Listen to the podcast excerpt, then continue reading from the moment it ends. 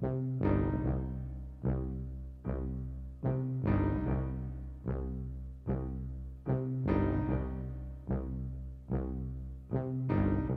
De lockdown wordt steeds verder versoepeld en hier en daar begint de wereld weer een beetje op die van vroeger te lijken. Maar wordt alles weer wel zo gewoon als voor de quarantaine? Wat heeft de lockdown met ons gedaan en hoe heeft het ons en onze wereld veranderd? Aan de hand van tien vragen die we aan mensen uit verschillende disciplines stellen, gaan we op zoek naar antwoorden. Annemarie Hagenaars is een Nederlandse actrice. In 2016 werkte ze korte tijd als nieuwslezeres bij Amsterdam FM, tot ze een artiestenvisum kreeg voor de Verenigde Staten. Ze reisde onmiddellijk naar New York en daar timmert ze intussen hard aan de weg als actrice in theater en film. In een stad als New York, vol met ambitieuze acteurs, betekent dat keihard werken. En dat doet ze, want ze werkte al met grote namen uit de film- en theaterwereld. Maar dan ineens komt de lockdown en komt het leven met een grote klap tot stilstand. Theaters dicht, projecten afgeblazen. We weten er inmiddels alles van hier in Amsterdam. Maar hoe was dat in New York, waar de pandemie ook nog eens op een ongenadige manier om zich heen greep? Vanuit New York, Annemarie Hagenaars, welkom. Dankjewel, hallo. Wat fijn om uh, ja, bij jullie te zijn. ja, wat leuk om je in de uitzending te hebben. Ja. Hey, luister, um, waar was jij toen de lockdown werd aangekondigd? Nou, dat weet ik echt nog precies. Want um, het was op donderdagavond 12 maart. Uh, toen ik aan het repeteren was voor een show die ik op 16 maart zou hebben. Um, en dat was een show, een comedy show. Uh, en op een gegeven moment kregen we het bericht dat de show was afgelast. En dat daarmee eigenlijk dat weekend werd van alles afgelast. Want ik kreeg dat, datzelfde weekend nog een, uh, een bericht van een casting director die mij wilde casten in een, uh, in een film. En toen kreeg ik inderdaad ook op die maandag te horen dat die film was uh, afge, ja, afgelast. Dus eigenlijk, uh, zo heb ik het ontdekt. En toen kreeg ik langzamerhand natuurlijk ook, langzamerhand kreeg ik berichten binnen van theaters die sloten, van boekings die ik had voor de komende maanden die dan waren gecanceld. Dus ja, dat was heel abrupt. Dat weekend 13, eh, 14 maart werd alles gecanceld. Oh jemig, ja, herkenbaar, want hier in uh, Nederland ging het inderdaad ook zo. Mensen waren al onderweg, decors waren al opgebouwd uh, en halverwege keerde de bus weer om, want uh, het ging niet door. Ben je niet in een enorme depressie gevallen daarna? Ik kan me voorstellen. Nou, eerst, weet je, de eerste, de eerste week of zo, dan denk je van, nou, je weet niet hoe lang het gaat duren. Dus dan denk je, nou oké, als het dan twee of drie weken of misschien vier weken duurt. Oké, nou, weet je wat? Alles is gecanceld, ik kan er niks aan doen.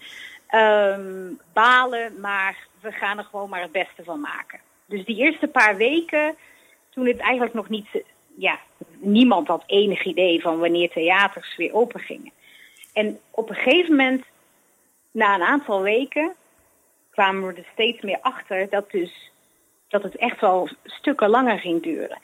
En uh, toen de berichten binnenkwamen van dat Broadway pas weer in twee, 2021 open zou gaan, ja, dan, dan uh, dat uh, hit je wel, zeg maar. Ja. dan word je daar wel even mee stomheid geslagen en dan, dan denk je ineens van, oh, wacht even. Dus het, het veld waar ik in werk gaat dicht zijn voor de rest van het jaar of gaat, hmm, oké, okay, en theaters blijven dicht uh, ja, wat nu? Dus dan, ja, toen had ik wel even, toen moest ik wel even slikken. Ja, ja. ja het duurde dus even voordat dat echt uh, binnenkwam. Maar uh, ja, en, en dan? Wat doe je dan? Ja, en dan, ik, ik, had, ik had echt wel een periode, zeker in, nou in maart en april. Het is wel heel interessant dat toen meteen casting directors dingen gingen posten op. Uh, want als acteur dan kijk je elke dag op een website waarbij je dan zogenoemde breakdowns hebt waarbij je voor werk kan kijken.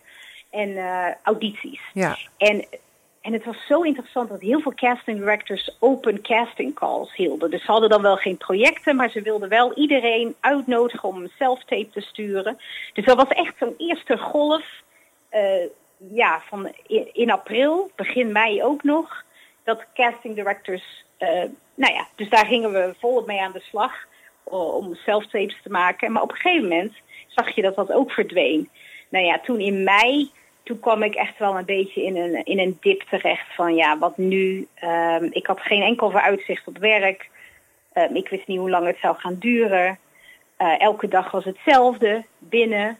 Uh, ja. Ik had heel veel moeite, want waar ik heel veel moeite mee heb, ik ben echt een, uh, een mensenmens. Dus ik moet eigenlijk voor, voordat de pandemic star, startte, was ik continu onder de mensen.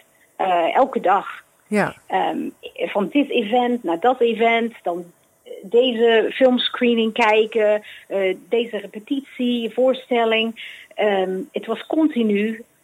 En in New York mensen ontmoeten, even dinner met die, dan weer lunch met die. Ja, ik leefde gewoon van, van het ene naar het andere moment. Ja. En toen was dat allemaal weg. En uh, thuis zitten, dat is gewoon niet echt iets wat ik, uh, wat ik goed kan. Dus daar had ik wel heel veel moeite mee. Ja, ja want dat is dus, uh, was mijn volgende vraag, wat miste je? Nou, de sociale contacten dus. Ja, ja en, dan, en dan niet zozeer, want dat is wel interessant. Heel veel mensen gingen meteen online, weet je wel. Want meteen via Zoom, via Skype nou ja, Zoom werd, is natuurlijk een big hit geworden. Ja. Um, maar ik merkte ook dat ik in het begin, met name in het begin, niet zo heel veel behoefte had om ineens alles online te gaan doen. Want het is toch anders om mensen in levende lijven te zien of mensen over Skype of Zoom te zien. En ik heb daar ja. altijd al wel, ik ben daar altijd al minder goed in geweest om weet je wel, dat, dat virtuele contact op peil te houden. Ik doe dat eigenlijk ook niet zo heel veel met mijn vrienden in Nederland. Nee. Bijna niet eigenlijk. ja, dat is meer bellen, weet je wel, af en ja. toe, maar niet of berichtjes sturen, maar niet dat, dat weet je wel, dat visuele. Dat, um... Dus ja, dat was wel echt een, uh, wel een stap voor mij. Dus ja, ik zag gewoon veel minder mensen. Ik had veel minder sociaal contact. En ja, en wat, wat miste je niet? Waren er ook dingen waarvan wat? je denkt van, nou, dat, dat was wel eigenlijk wel prettig? Ja, wat ik niet miste was de enorme hoeveelheid mensen in, uh, in New York waar je je doorheen moet worstelen om ergens te komen. Ja. Uh, want dat is ook onderdeel van het dagelijks leven. Is dat je als je van de ene plek naar de andere plek gaat, je hebt natuurlijk het transport via de metro. En dat miste ik eigenlijk niet. Dat was eerst wel een verademing dat ik helemaal niet meer hoefde te reizen om iets te doen. Dat is natuurlijk heel paradoxaal, want je wil Ja. niet thuis zitten. Maar aan de andere kant, het is ook wel relaxed dat je 's ochtends pas op hoeft te staan. Zeg maar eh, tien minuten voordat, voordat je iets moet starten. Ja. en je hebt geen reistijd. Nee, precies. Dat, eh, dat is een voordeel, inderdaad. Ja. Ja. Maar ja, het Ja. is wel allemaal virtueel, inderdaad. Want ik, ik sprak ook een, Ja. eh, een, een hele jonge acteur, net afgestudeerd. En die zei: Ja, ik heb heel veel online voorstellingen gezien. Maar ik mis toch gewoon het fysieke. Dat je gewoon in een zaal zit met andere mensen. En hè, dat, eh, dat je Ja. gewoon echt een, iets beleeft met z'n allen. En dat, dat heb je natuurlijk niet. Nee, want weet je wat het, het fysiek met elkaar in de, in, de, in de room zijn, zeg maar, dat is, dat is heel belangrijk. Zeker voor theater. Ja, En, ehm, en ik ben dus eh, gaan werken met Austin Pendleton, die ook dus de regisseur is voor eh, het project waar ik het straks over ga hebben. Maar ehm, hij zei ook, hij was echt wel verbaasd van hoe Zoom toch kan werken voor eh, twee scènes met twee personen. Ja. Ondanks dat je dus niet met elkaar in dezelfde ruimte bent, wat heel belangrijk is ehm, voor een scène. Om elkaar fysiek te voelen, zeg maar. Niet zozeer dat je elkaar echt hoeft aan te raken, Ja. maar dat je gewoon met elkaar in diezelfde ruimte bent en dat je alles meemaakt. En dat is natuurlijk over Zoom veel lastiger. ja, ja precies. En ook, je kan ook, en je kan elkaar niet direct aankijken, maar het is zo interessant om te ontdekken dat heel veel wel kan. En dat, daar was ik in het begin heel sceptisch over. En daarom was ik heel erg, was ik heel erg aan het twijfelen van, nou, zal ik wel lessen doen online over Zoom, acteerlessen over Ja. Zoom. Maar dat viel eigenlijk eh, reuze mee en beviel beter dan ik verwacht had. Ja. ja. Ja, ik heb dat meer gehoord inderdaad. Uh, ik, ik heb iemand geïnterviewd, ook een actrice, en die is bezig met een zangopleiding. En die hebben ze gewoon doorgezet uh, tijdens de lockdown. En gewoon uh, alle lessen mm -hmm. online. En ze zei eigenlijk was ja. het fantastisch.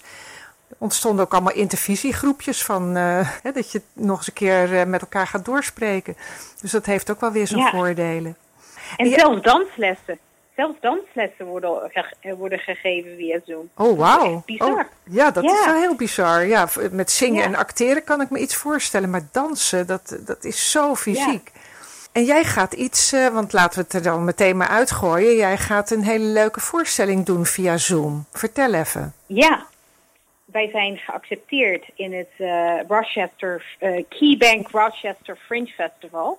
Normaal is dat altijd dat Fringe Festival. Je kan het eigenlijk vergelijken met het Fringe Festival dat ik in 2012 gedaan heb in Amsterdam. Amsterdam Fringe. Nou, dit is een versie in Rochester, New York. Dat is helemaal in het noorden van de staat New York. Dus normaal gesproken zou je daar naartoe afreizen. Maar nu, vanwege de pandemic, hebben ze het virtueel gedaan, uh, opgezet.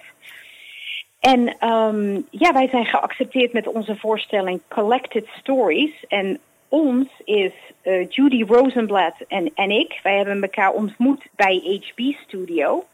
En Judy heeft al eerder gewerkt met de director Austin Pendleton. En Austin Pendleton heeft, ja, dat is gewoon, dat is gewoon een eer om met hem te werken. En het is ook een genot, want hij heeft zoveel ervaring. En het is ook, hij is ook zo'n goede, fijne, lieve regisseur. Met z'n drieën hebben we dit project aangepakt. En nu gaan we het dus voor het eerst presenteren online, via Zoom, live, tijdens het Rochester Fringe Festival. Ja, geweldig. En dat wordt gewoon live gespeeld dan. Het is geen opname die dan uh, wordt uitgezonden, maar je zit gewoon echt fysiek op dat moment te spelen. Ja, nou en dat is ook heel interessant om daar eventjes bij stil te staan, want dat is inderdaad de keuze die je krijgt. Je krijgt de keuze van, oh, wil je het vooraf opnemen? Wil je het dan streamen? Dus dat je het al hebt opgenomen ja. en streamt. Dat doen heel veel theatergezelschappen ook. Online, dan, uh, dan kan je het streamen voor 24 uur. Ja, ja zo uh, ken ik het ook. Het, ja.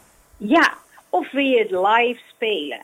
En wij hebben eigenlijk bewust gekozen voor dat live spelen, want dan hebben de mensen die kijken ook echt wat meer dat thea die theaterervaring. Want dat ze op dat moment live naar de acteurs aan het kijken zijn die dat op dat moment doen. En dan laat je ook ruimte voor bijvoorbeeld ja, fouten. Uh, dingen ja. die gebeuren die je niet verwacht. Uh, je laat ruimte voor spontane dingen die ineens gebeuren. En je kan het net als in het theater, kan je het gewoon een aantal keer doen. En je hebt toch het gevoel dat er een publiek is op dat moment. Terwijl als je het van tevoren opneemt, dan ga je het allemaal fine-tunen. Dan ga je het een beetje net als een film. Ga je ja, het monteren ook. Maar wij hebben bewust gekozen om te zeggen: nee, we willen toch die live performance ervaring hebben. Ja, we gaan het uh, vier keer live doen. Ja, fantastisch. Ik, ik, ken het eigenlijk alleen maar als opnames. Uh, ik heb heel veel dingen gezien al en dat is allemaal van tevoren opgenomen. Maar uh, ja, zo live, dat lijkt me ontzettend spannend. En, en wij kunnen in Nederland natuurlijk meekijken. Ja, klopt. Um, ja, in Nederland het is wel wat laat natuurlijk. Het is wel, uh, nou de vroegste voorstelling die wij hebben is, op, is om half zes New York tijd. Dus dat is half twaalf uh, s'avonds Nederlandse tijd. Nou, dat maar is nog als te je doen. het ervoor over hebt. Ja. Nee, ik ga kijken hoor. Ja. En er is er ook nog één om half één, zag ik, en één om half twee. Ik ga ze op de, op de website zetten en ook met de link. Want er zijn kaartjes eh, te koop voor. Eh, voor, Ja. vijf, voor vijf dollar. Nou, wat is dat nou? Ik bedoel, Ja. als je naar een theater Ja. gaat, ben je daar een veelvoud van kwijt. En het lijkt me echt ontzettend spannend om dat te zien. Ik, ik, ik heb even een kleine synopsis gelezen en ik denk dat het prachtig is. Sowieso een hele mooie voorstelling. Ja, dat, en het is een experiment natuurlijk om, het, om, om een voorstelling die geschreven is voor het toneel van echt fysiek eh, bij elkaar in dezelfde ruimte te zijn met eh, een volledig decor en alles. Is het natuurlijk echt een experiment wat het is om, ja, om zo over Zoom te doen. Heel minimalistisch. Ja, en, en zijn jullie ook van plan om dat, eh, als het weer kan, ook gewoon echt de hele voorstelling te spelen in het theater? Absoluut, ja zeker. wanneer wij de eerste kans krijgen om het weer in het theater te spelen, dan doen we dat, uh, dan doen we dat zeker. En, dan staan jullie meteen op het toneel, ja. Oh, absoluut, ja, ja. Dan zal dat natuurlijk wel heel anders zijn, want dan moeten we natuurlijk eigenlijk van vooraf aan beginnen met het opzetten van, nou, eh, spelen in het decor. Het fysieke spel is dan natuurlijk heel anders dan voor een camera. Um, voor een statische camera. Want het is natuurlijk ook niet eens film, hè? Er nee, precies. Geen, het is niet, je kunt niet, je kunt niet rondlopen, je, je moet blijven zitten. Nee. Ja, ja, ja precies. Ja, dus het, het, ehm, zal, het, het zal wel even wennen zijn als je dan weer gewoon fysiek theater gaat maken. Ja. ja. je, gaat, je gaat nog iets doen, hè? Zag ik. Dat is uh, al uh, zaterdag. Ja, dus uh, ik heb een, uh, al vanaf 2018 ben, ik aan het samenwerken met een uh, schrijver. Die heeft een, uh, een stuk geschreven over een Amerikaanse jonge vrouw. Tijdens, of eigenlijk vlak voor de Tweede Wereldoorlog naar Europa komt. In eerste instantie om gewoon te kijken, om de wereld te zien, om te kijken wat er, ja, wat er aan de overkant van de oceaan is. En dan komt ze uiteindelijk komt ze terecht in, als secretaresse uh, werkt ze voor, eerst voor de Italiaanse embassy in Berlijn en daarna komt ze terecht bij Hitler in de bunker als secretaresse. Oké. En dat, dat, eigenlijk die, dat hele verhaal van hoe zij uit Amerika komt en dan over, wat is het, zes, zeven jaar wordt dat verhaal verteld en het heet A Woman's Journey. Fred Pazzulli, die heeft dat stuk geschreven. Ik heb een aantal keren de rol al gelezen bij de Actors Studio. En dit jaar wilde Fred, ja, die, hij is nog steeds bezig met het stuk ontwikkelen, want het is nog, heel, nog niet af. En hij wilde dus een, eh, een online reading uh, organiseren. En dat is dus aanstaande zaterdag. Oh, wat leuk. Uh, en daar kunnen we ook naar ja. kijken. Ja, start in New York om half zeven. Dus dat is ja, in Nederland. Ja, half één. Ja. nou, heel veel mensen zijn dan op zaterdagavond best nog wel op. Dus uh, ja, ik zou toch? zeggen, ga kijken. Ik zet de link ook eventjes uh, op de website.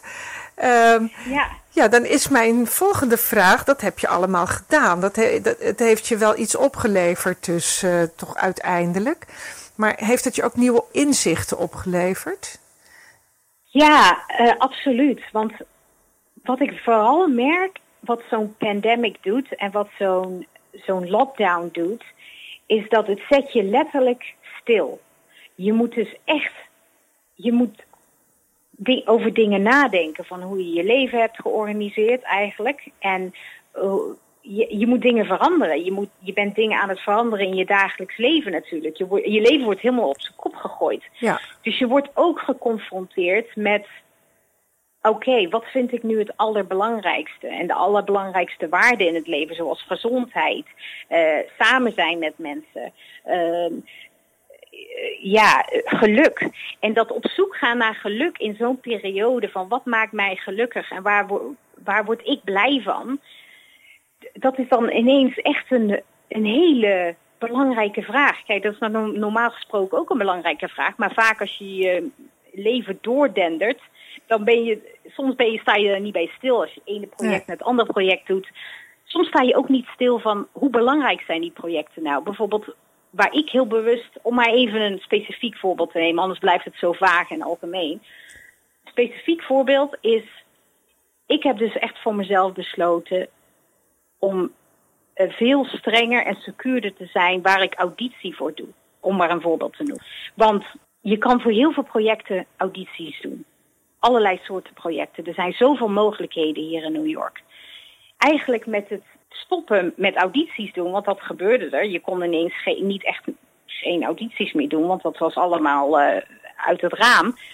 Toen ging ik ook, als ik dan een auditie kreeg, dan ging ik ook echt heel erg nadenken van ja, voel ik me goed bij die auditie? Wil ik dat doen? Is dat iets wat ik zelf echt wil doen? Zo niet, weet je, dan stop ik daar geen tijd en moeite in. Ja, ja. En dan zul je misschien ja. zeggen, ja, dan moet, je, dan moet je eigenlijk altijd doen. Ja, dat moet je eigenlijk altijd doen. Dus dat is een hele, hele waardevolle iets wat ik heb gevonden. Want het is gewoon heel makkelijk om gewoon maar auditie na auditie te doen, weet je wel? En om bijna elke opportunity die je krijgt om die aan te pakken. Maar je moet gewoon heel goed bewust zijn van, nou, je kan je tijd maar één keer besteden. Wat voor projecten wil ik echt doen? En als je van tevoren al ziet dat het niet bij je past, dan, ja, dan is het eigenlijk verspilde tijd. Juist, precies.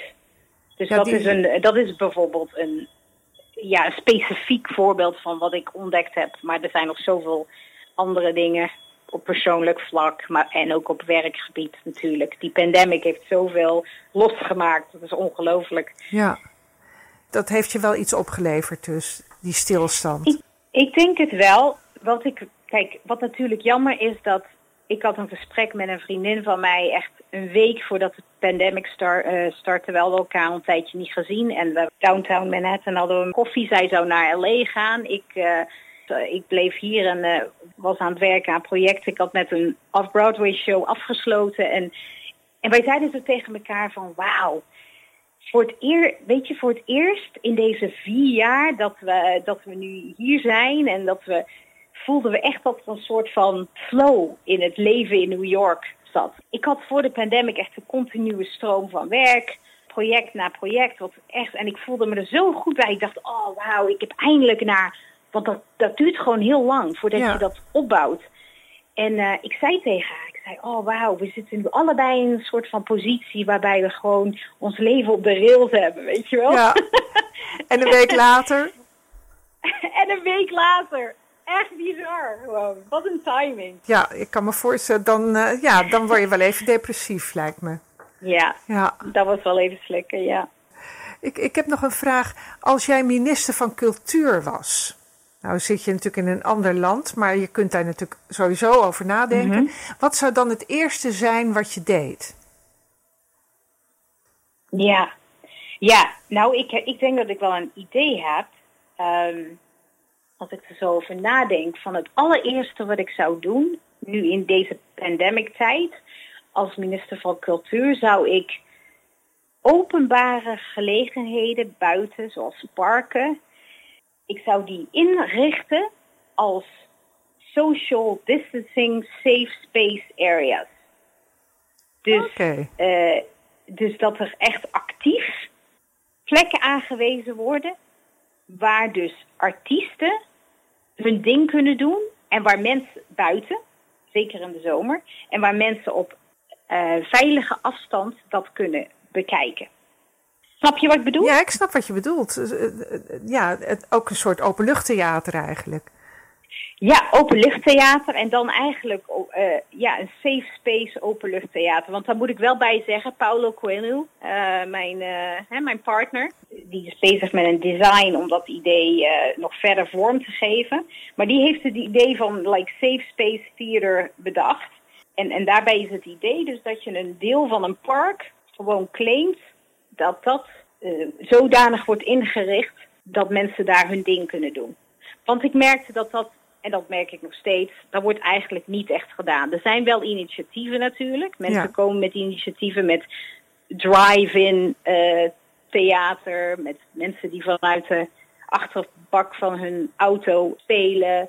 Maar het wordt nog niet echt op. Want ik zou denken dat ja, dat, dat meer gebeurt, weet je.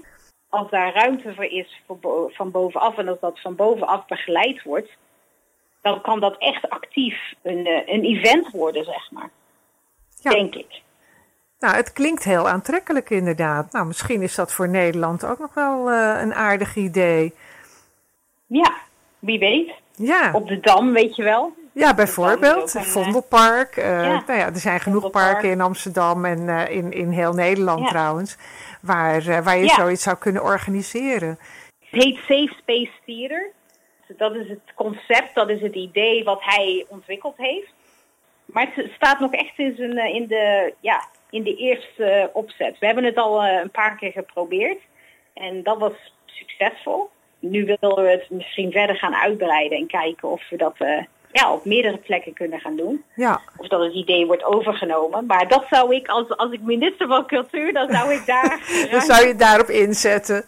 Ja. ja. Nou, ja. uh, ik hoop dat de minister meeluistert hier in Nederland. En uh, ik stuur er wel door. ja, precies.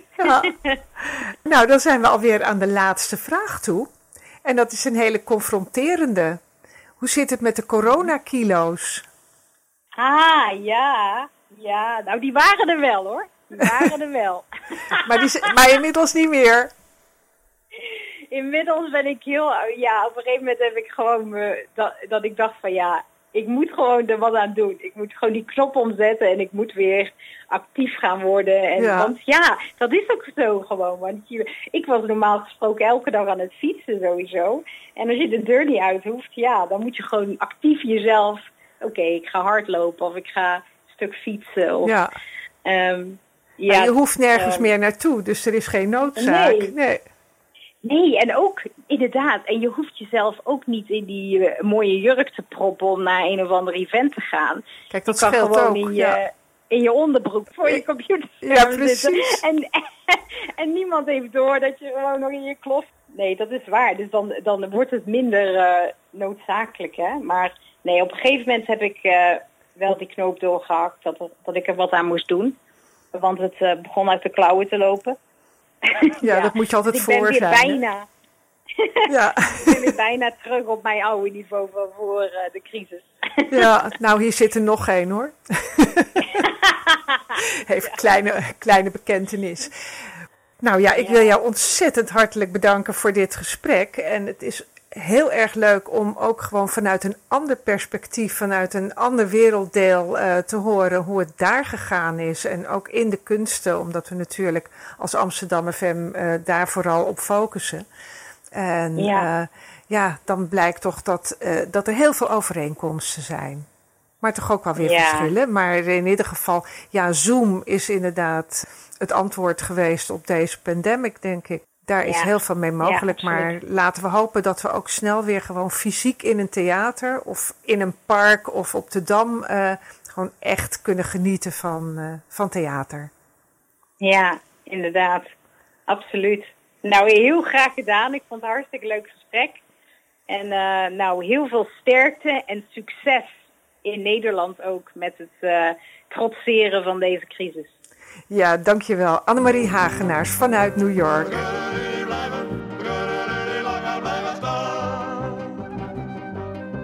Een andere keer misschien.